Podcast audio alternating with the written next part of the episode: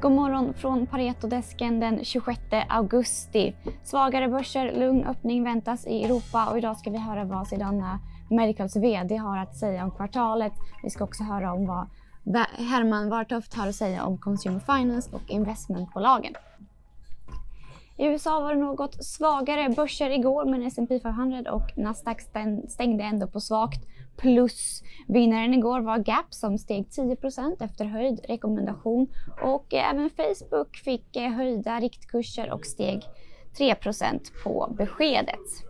I Asien handlas de ledande börserna nu ner under morgonen och eh, här i Sverige så har vi fått eh, en del rapporter. Vi har också fått meddelande från SCA som meddelar att de avvecklar produktionen av tryckpapper och bolaget ska istället investera nästan 1,5 miljarder i massaproduktion vid det bruket.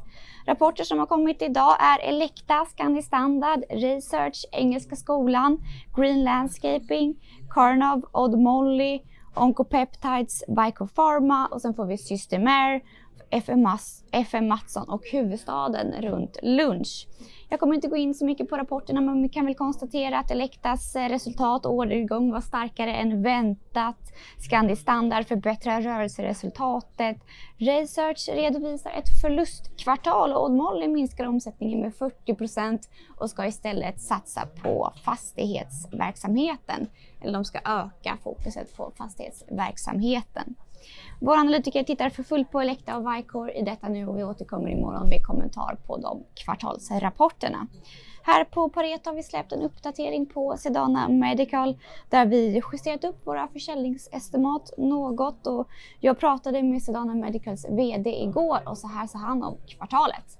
Christer, ni eh, ökade er försäljning med 133 procent i kvartalet 40 procent av eh, tillväxten kommer från nya kunder och 60 procent av befintliga kunder.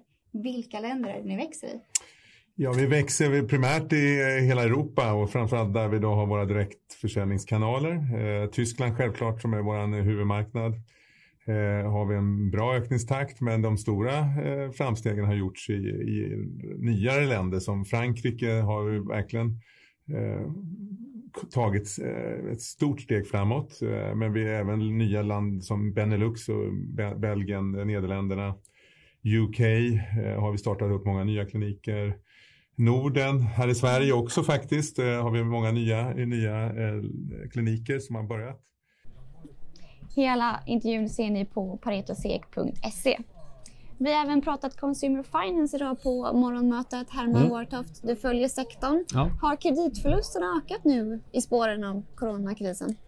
Ja, man kan säga att eh, det har varit lite lugnet före stormen kan man säga för, för mm. nischbankerna. Då. Eh, man tog ganska stora extra kreditförluster i Q1 redan eh, och sen under Q2 så såg man att ja, businessen verkar löpa på ungefär som vanligt egentligen. Mm. Men det är fortfarande ganska stor osäkerhet nu inför andra halvan av 2020 och även kanske ja, första och andra kvartalet 2021. Det tar ju ofta längre än ett kvartal för kreditförluster att materialiseras då för bankerna. Mm, är det en stor oro i sektorn eller någonting de kommer kunna hantera? Nej, de kommer, jag tror absolut de kommer kunna hantera det. Det finns mm. liksom inga kapitaltäckningsproblem eller sådär riktigt i sektorn. Eh, sen är ju liksom frågan hur, hur, stora de här förlusterna kommer bli och också hur, hur eh, bankernas riskaptit kommer se ut efter den här perioden. Då. Mm. Om man kommer fortsätta vara liksom ganska aggressiv eller ha en ganska bra tillväxtagenda eller man kanske kommer hålla igen lite mer på det. Mm. Och hur har kvartalsrapporterna varit för bolagen?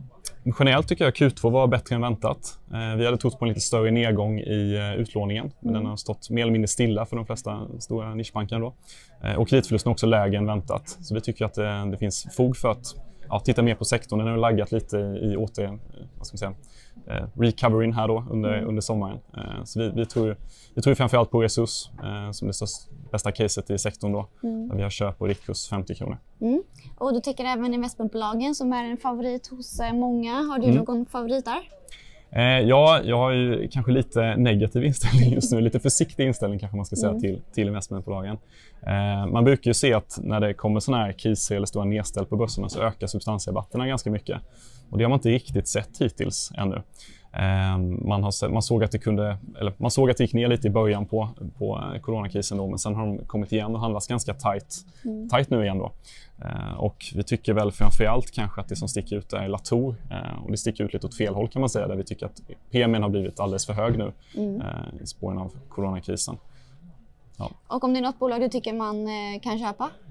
Ja, men Investor och industrivärden tycker jag alltid man kan plocka upp mm. på längre sikt. Mm. Eh, de handlas ganska i linje med sina historiska substansrabatter så vi tycker kanske inte att det är något superköpcase men det är ändå bra aktier som man alltid kan ha som en liksom grund, grundsten i portföljen. Mm. Ett bolag som eh, är intressant är ju eh, Vostok Emerging Finance. Mm. Vad tror du om bolaget?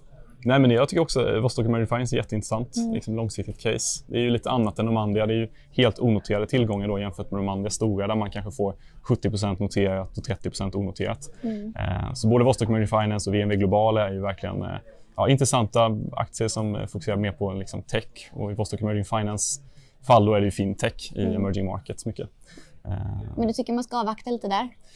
Ja, jag har en hold-rekommendation just nu. Då. Mm. Rabatten är ganska, ganska låg. Eh, sen är ju kanske rabatten kanske inte det mest intressanta när det gäller just de här bolagen. Men det är också mm. svårt att, att liksom gå in och göra en standalone värdering på underliggande innehav. Då. Mm. Eh, just eftersom det är ganska begränsat med information eftersom det här är VC-investeringar och de är, brukar vara ganska Ja, de brukar inte vilja dela med sig så mycket av informationen av förståeliga skäl. Då. Mm.